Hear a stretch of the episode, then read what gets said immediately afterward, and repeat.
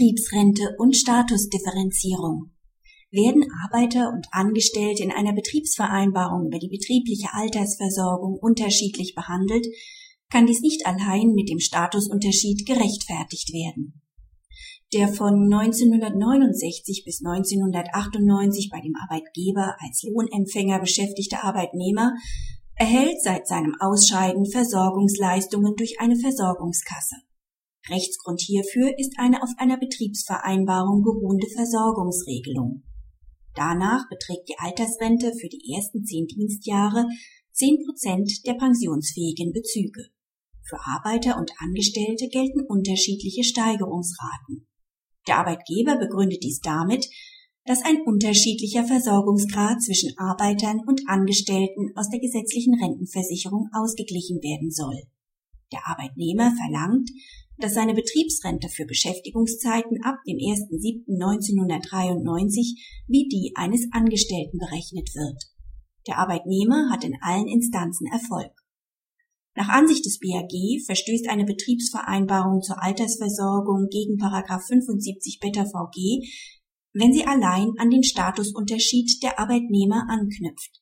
Der Arbeitnehmer hat deshalb einen Anspruch auf Angleichung nach oben nach 1b Absatz 1 Satz 4 Beta VG.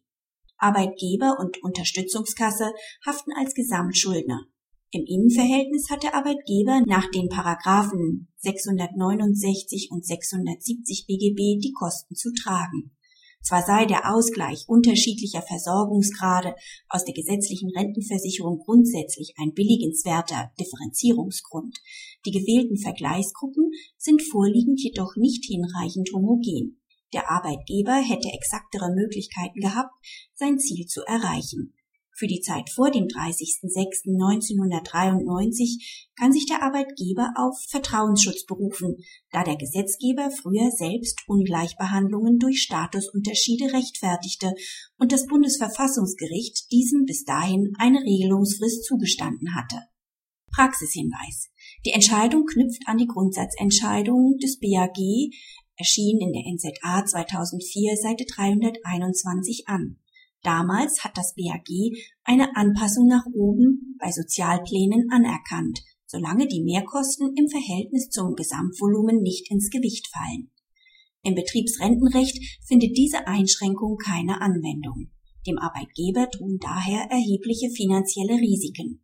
Arbeitnehmer haben die Chance, sich ihre Rente aufzubessern.